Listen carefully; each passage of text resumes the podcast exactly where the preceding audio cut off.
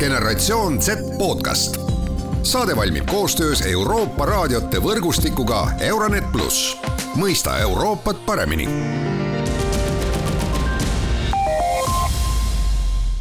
tere, head Genset taskuhäälingu kuulajad, mina saatejuht Mart Valner ja täna räägime NEET-noortest ehk siis nendest noortest, kes ei ole haridussüsteemis ega tööpõllul ja on meie jaoks, võib öelda, et natuke kadunud. mille pärast nad on, kes nad on ja, ja kuidas ja mida nendega tehakse, et see olukord paraneks. mul on hea meel, et sellega, seda on mul täna rääkimas Sotsiaalkindlustusameti noortegarantii tugisüsteemi juht Liis Seeme, Liis, tere päevast! tere! nii, alustame, sul on kindlasti äh, kirjas peas ja mõeldud välja definitsioon need noortele, kes, kellest me üleüldse räägime, paneme selle paika äh,. Hästi lihtsalt öeldes siis NEET olukorras noor on noor, kes ei tööta ega õpi, et see tuleneb sellisest definitsioonist inglise keelest, et not in employment, education or training ja kui me räägime training ust ehk koolitustest, siis eesti keeles see ongi õppimine, ehk et mhm. need noored, kes ei tööta ega õpi, et siia alla lähevad kõik noored ka, kes on Töötukassas näiteks arvel, kes on mingi vaheaasta võtnud, et kõik sellised noored. Eestis kuskil neid kakskümmend tuhat on praegu mm. -hmm ühesõnaga, need ei ole kõik äh, süsteemi jaoks kadunud, ma saan aru, et kui sa oled näiteks Töötukassas arvel, eks ole, siis nad on ju, me, me teame, kus nad on ja mida nad teevad või mida nad täpsemalt ei tee. jah, et tegelikult võib-olla siinkohal tulebki appi just see noortegarantii tugisüsteem, et see süsteem ongi loodud selle jaoks, et jõuda ka nende noorteni, kes kuskil süsteemidest välja ei tule. et see töötab niimoodi, et kohalikus omavalitsuses on üks kindel juhtumikorraldaja, kes nüüd selle noorte temaatikaga tegeleb seal kohalikus omavalitsuses, et see on see inimene, kelle juurde see noor siis võiks pöörduda ja tema saab siis ka kaks korda aastas sellise nimekirja nendest noortest, kes tema kohalikus omavalitsuses ei tööta ega õpi, et ta saaks tegelikult ise selle noorega ühendust võtta, et selle nimekirja alusel ta saab siis telefoninumbri äh, või siis meiliaadressi, ta kas helistab, äh, saadab meili või võtab näiteks Messengeri teel noorega ühendust ja küsib lihtsalt, et äh, hei, et kas sa hetkel vajad abi, et ma näen, et sa kuskil ei ole, et kui sa vajad abi, et siis tead, ma olen olemas, aga noorel on alati öelda ka õigus öelda ka siis, et ei, et ma seda abi praegu ei taha kas meil on neid noori ka, kes on, keda ei ole võimalik kätte saada, kes lihtsalt ongi meie jaoks noh, ongi kättesaamatud, nad ei taha, nad ei viitsi, nad ei tee? Äh, noh, ei taha, ei viitsi on võib-olla selline suhteline, suhteline mõiste, et, et kui ma mõtlen nagu sellele NEET olukorras noorte temaatikale, siis seal on ikkagi selline äh, kaks suuremat sihtgruppi. Äh, üks osa on neid noori, kes tõesti ise on valinud, ise hetkel ei taha töötada ega õppida. Nad tahavad kas reisida, investeerida, ettevõtlusega tegeleda, äh, lihtsalt võtta vaheaasta või kaks ja enda tegevustega tegeleda ja see, selleks on neil täielik õigus ja seda nad võivadki teha, kui neil on selleks vajalikud ressursid ja vajalikud võimalused. küll, mida nad võivad vajada, on siis äh, mitte täpselt selline lisatugi, aga lisainformatsioon võib-olla nende välismaa võimaluste kohta, vabatahtliku töö võimaluste võimaluste kohta, äh, rahatarkuse kohta, ettevõtluse kohta ja seda nüüd need äh, noortegarantii tugisüsteemi spetsialistid saavad ka pakkuda. aga teine osa on siis tegelikult neid noori, äh, kes võib-olla nii päris omal valikul selles olukorras ei ole, vaid see põhjus tuleneb siis selliselt väljastpoolt. ehk et kaks aastat tagasi tehti just mõju-uuring ka, et, et selline kuus sihtgruppi selliseid noort on, kes võib-olla rohkem seda tuge vajavad. esimene on siis eesti keelt nii hästi mitte oskavad noored Eestis on siis äh, need sellised venekeelsed noored, äh, on need noored, kes siis võib-olla ka kultuuriliselt erinevad, et Valgas on väga suur segment just romasid. Ja lisaks on siis nüüd ka ukrainakeelsed noored, kes siis küll tegelikult me oleme praegu juba näinud, et need noored, kes on otsustanud Eestisse jääda, väga kiiresti eesti keele ära õpivad, et seal osas võib-olla nii suurt seda probleemi ei ole. siis teine osa neid, kes võib-olla on nagu väliste tegurite pärast just selles olukorras. Äh, on sellised äh, noored, kellel on võib-olla siis tervislikud probleemid. Äh, jällegi, seal on kaks osa, on füüsilised erivajadused, et puudega ja vähenenud töövõimega inimesi Eestis on üldse kakskümmend protsenti. Nendest seitsekümmend protsenti on siis NEET-olukorras ehk mis on näha, et, et see on sihtgrupp, kuhu peab rohkem siis panustama, keda peab rohkem toetama. ja teine osa on siis muidugi vaimse tervise probleemidega noored, kes siis just, just jällegi eelmine aasta oli uuring, kus uuriti, et palju inimesi Eestis Eestis on, on siis traumat kogenud ja tuli välja, et äh, pooled eestlased ise ütlevad, et nad on traumat kogenud.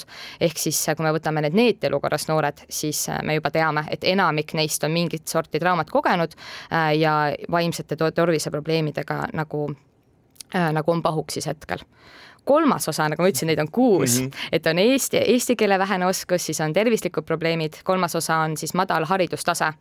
Äh, ehk mitte ainult need noored, kes siis äh, on põhiharidusega või madalama haridustasemega, äh, vaid ka need noored, kellel üldse erialalist haridust ei ole, et noortegarantii tugisüsteemis on kaheksakümmend protsenti nendest noortest on ilma erialalise hariduseta, me teame, et neil on keerulisem tööpõllule saada.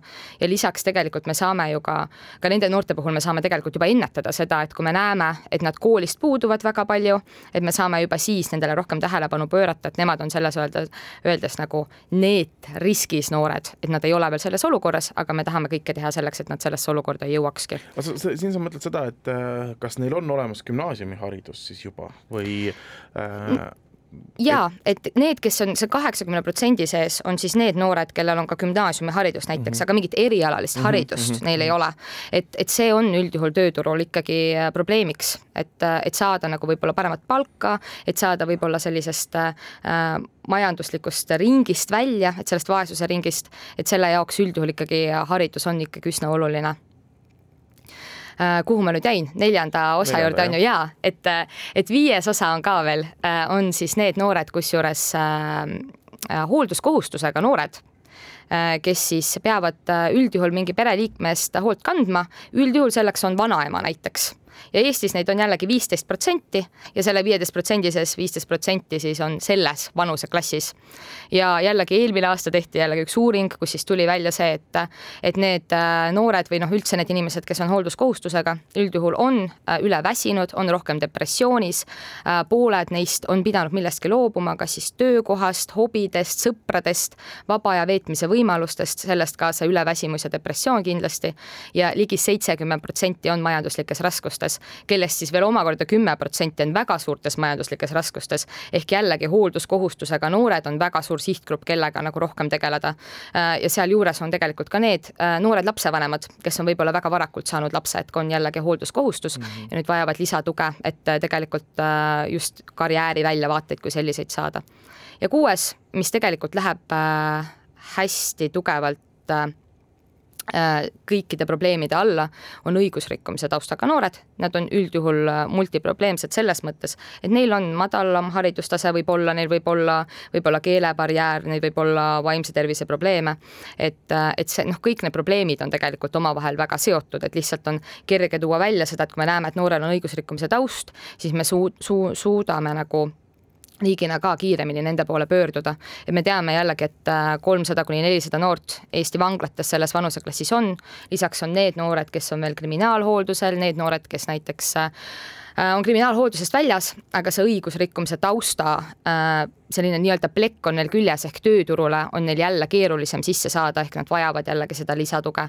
et Eestis väga tugevalt töötab sellega STEP programm, et õigusrikkumise taustaga noored üldjuhul sinna jõuavad ja viimase selle sellise kokkuvõttena on need pikaajalised äh, töötud ka siis veel, et kes ei olegi, kas neil ei ole töökogemust või nad ei ole väga-väga kaua käinud tööl, ehk et nad on juba heitunud, ehk nüüd, kui ma jõuangi põhimõtteliselt sinu küsimuse juurde, et kas selliseid noori on ka, et need noored tegelikult ongi need noored, et nad on juba sotsiaalsest äh,, sotsiaalsetest tegevustest väljas, nad on tööturult väljas, nad on kodus äh, nelja seina vahel, et nende noorteni on tõesti kõige keerulisem jõuda kindlasti. et, et kui nendest sihtgruppidest rääkida, siis heaks näiteks ma ütleks kohe, et on, on eelmise aasta saade Siin me oleme, kadunud noored, et kui Google'isse kirjutada, kirjutada, kohe lööb selle välja. seal nagu on päris hea läbilõige nendest sihtgruppidest, et kus kolm erinevat noort räägivad enda kogemusest. üks noor, kes on väga keerulisest perekonnast äh, ja on teinud ka mitu suitsiidikatset. Äh, üks noor, kes kannatas siis koolikiusamise all ja siis kolmas noor, kes siis äh, oligi hoolduskohustusega, et, et kandis siis hoolt enda vanaema, vanaema eest. et, et need, need lood päris hästi näitavad seda, et millise sihtgrupiga on seal tegemist. ühesõnaga, see ei ole selline üks suur homogeenne sihtgrupp, et et ja.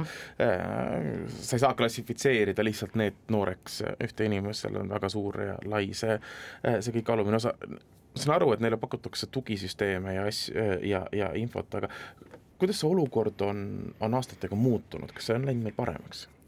Äh, paremaks on ta kindlasti läinud kaks tuhat kolmteist, kui sellega alustati, kas siis oli ligi kolmkümmend tuhat noort. nüüd on kuskil kakskümmend tuhat noort ja tegelikult näiteks noortegarantii tugisüsteemi kaudu me teame ka, et näiteks noortegarantii tugisüsteemi nimekirjas äh, selles seires tuli välja neliteist ja pool tuhat noort, äh, kellest me juba teame, et umbes nelikümmend protsenti tegelikult on välismaal umbes, umbes kakskümmend viis protsenti on need, kes päris sellist lisatuge ei vaja, et nad leiavad ise selle töö või õppekoha. ja siis on mõned noored veel, kes on ettevõtluses näiteks või siis noh, ongi juba lapsega näiteks kodus, et nad tegelikult seda lisatuge hetkel ei soovi. ehk et sellest nimekirjast on ka kuskil kolmkümmend protsenti ainult, kes seda lisatuge vajavad. kuigi jälle ma ütlen siin ainult, et, et lihtsalt sellega võrdluses, et neliteist tuhat või neli tuhat, et umbes neli tuhat noort, et tegelikult väikese Eesti kohta see on ikkagi väga suur arv.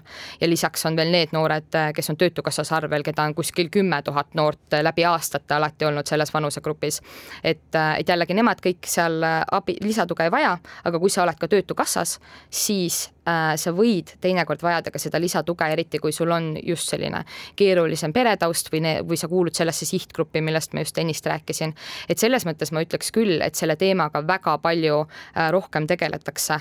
et võib-olla hea, hea näitena ma võin tuua just, ma just ühe juhtumikorraldajaga rääkisin ühest loost, et, et see on selline ennetav vaade rohkem, et äh, mida aega edasi, seda rohkem me tegeleme ka ennetusega, et muidu on nagu võib-olla natukene tulekahjude kustutamine, et noor juba on selles olukorras. aga just üks noor, kes oli kuueteistaastane, ta oli tegelikult, käis koolis, et kõik oli hästi äh,, väga tark noor äh,, õppis hästi, aga järsku ta hakkas äh, kutsekoolis siis käis, hakkas koolist puuduma äh,. kooli juhtkond märkas seda äh,, üritasid noorega ühendust võtta, ei saanud kätte, siis sotsiaalpedagoog andis sellest teada tema kohaliku omavalitsuse juhtumikorraldajale, kes ka iga igat moodi püüdis seda noort siis kätte saada, lõpuks ta sai ta kätte Instagrami kaudu. ehk et me ise peame ka liikuma sinna, kus noor on. Äh, Instagrami kaudu see noor vastas, äh, juhtumikorraldaja lõi temaga sellise usaldusliku suhte, nad said kokku, äh, järgmine kord, kui nad uuesti kokku said, siis see noor oli salvestanud seda vestlust, mis tal tema oma siis vanematega oli. Äh, ja see oli päris julm selles mõttes äh, juhtum, et, et need, et noh, see oli täielik vaimne terror tegelikult, mida need vanemad tegid. et niimoodi, et see juhtumikorraldaja ka nuttis, et see noor nuttis, see juhtumikorraldaja nuttis. et põhimõtteliselt vanemad ei olnud nõus siis selle noore seksuaalse orientatsiooniga. et, et see oli tegelikult see, see asja tuum, mis seal oli ja, ja kuidas sellega edasi mindi, oli see, et tegelikult pere Äh, saadi siis äh, multidimensionaalsesse pereteraapiasse, noor sai psühholoogi juurde koos juhtumikorraldajaga. Nad äh, leidsid sellise huviala talle kõrvale, ta tegeleb nüüd muusikaga, lisaks sellele, et nad said ta kooli tagasi, õpib jälle ilusti, tegeleb muusikaga ja lõppkokkuvõttes elab ka tegelikult oma poissõbra juures nüüd, et see noormees.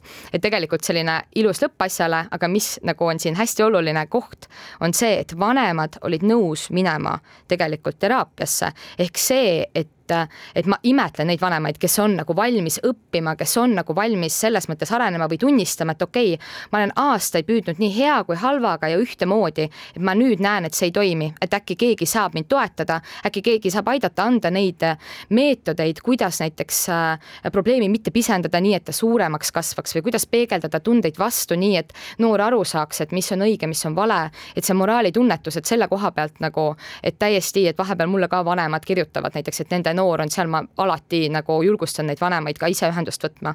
et see, et vanem, lapsevanem äh, armastab oma last nii palju, et ta on nõus äh, ikkagi astuma enda kestast välja, enda nagu mõttemaailmast ja üritab aru saada sellest, mida see noor hetkel vajab. et see on nagu kõige vägevam tulemus ja alati kõige rohkem sihile viiv no see on, on kindlasti väga oluline aga vanemad alati ei ole nõus kaasa tulema kahjuks, eks ole, noh tihtipeale ja esimene kontakt tihtipeale äh, vähemalt kunagi oli, oli, oli noorte noorsootöötajaga mm. -hmm. ja, ja sellest tuli ka välja mingid aastad tagasi, meil on igasugused mobiilse noorsootöö projektid ja nii edasi.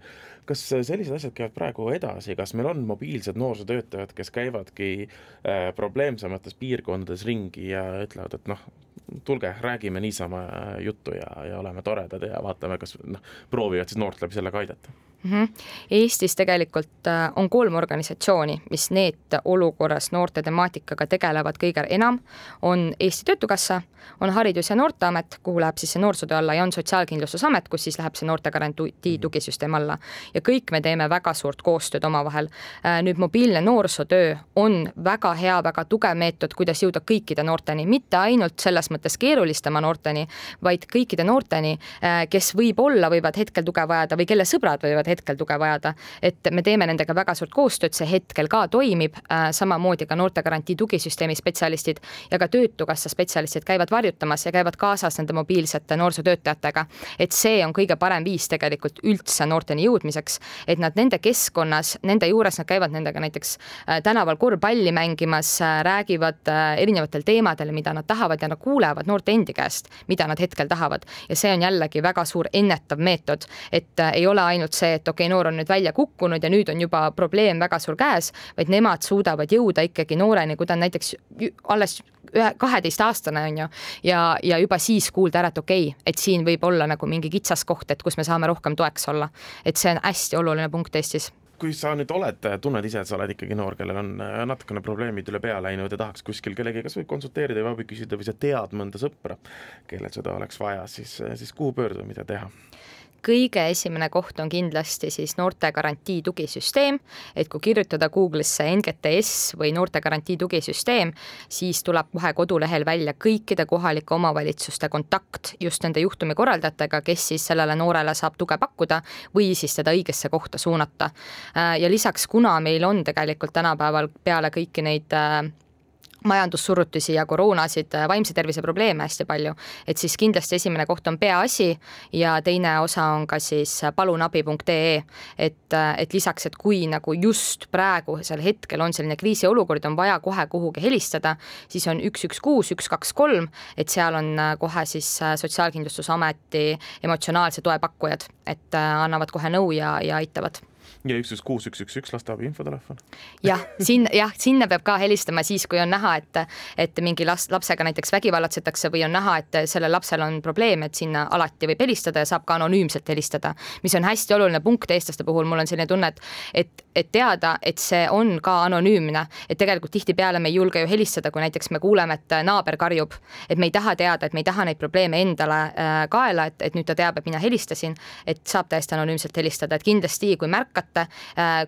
isegi kui tundub, et ah, ma ei tea, kas peaksin helistama, kui juba selline mõte on, et võib-olla pean helistama, siis helistage ära, rääkige ära, mis nägite ja siis küll see spetsialist saab juba otsustada, et kas, kas see oli nagu äh, asi, kus peab reageerima kohe või veel ei olnud seda kindlasti ja loomulikult äh, päriselt äh, hädaohus oleva lapse puhul alati esimene number on üks, üks, kaks, eks ole. jah, täpselt. aga aitäh, Liis.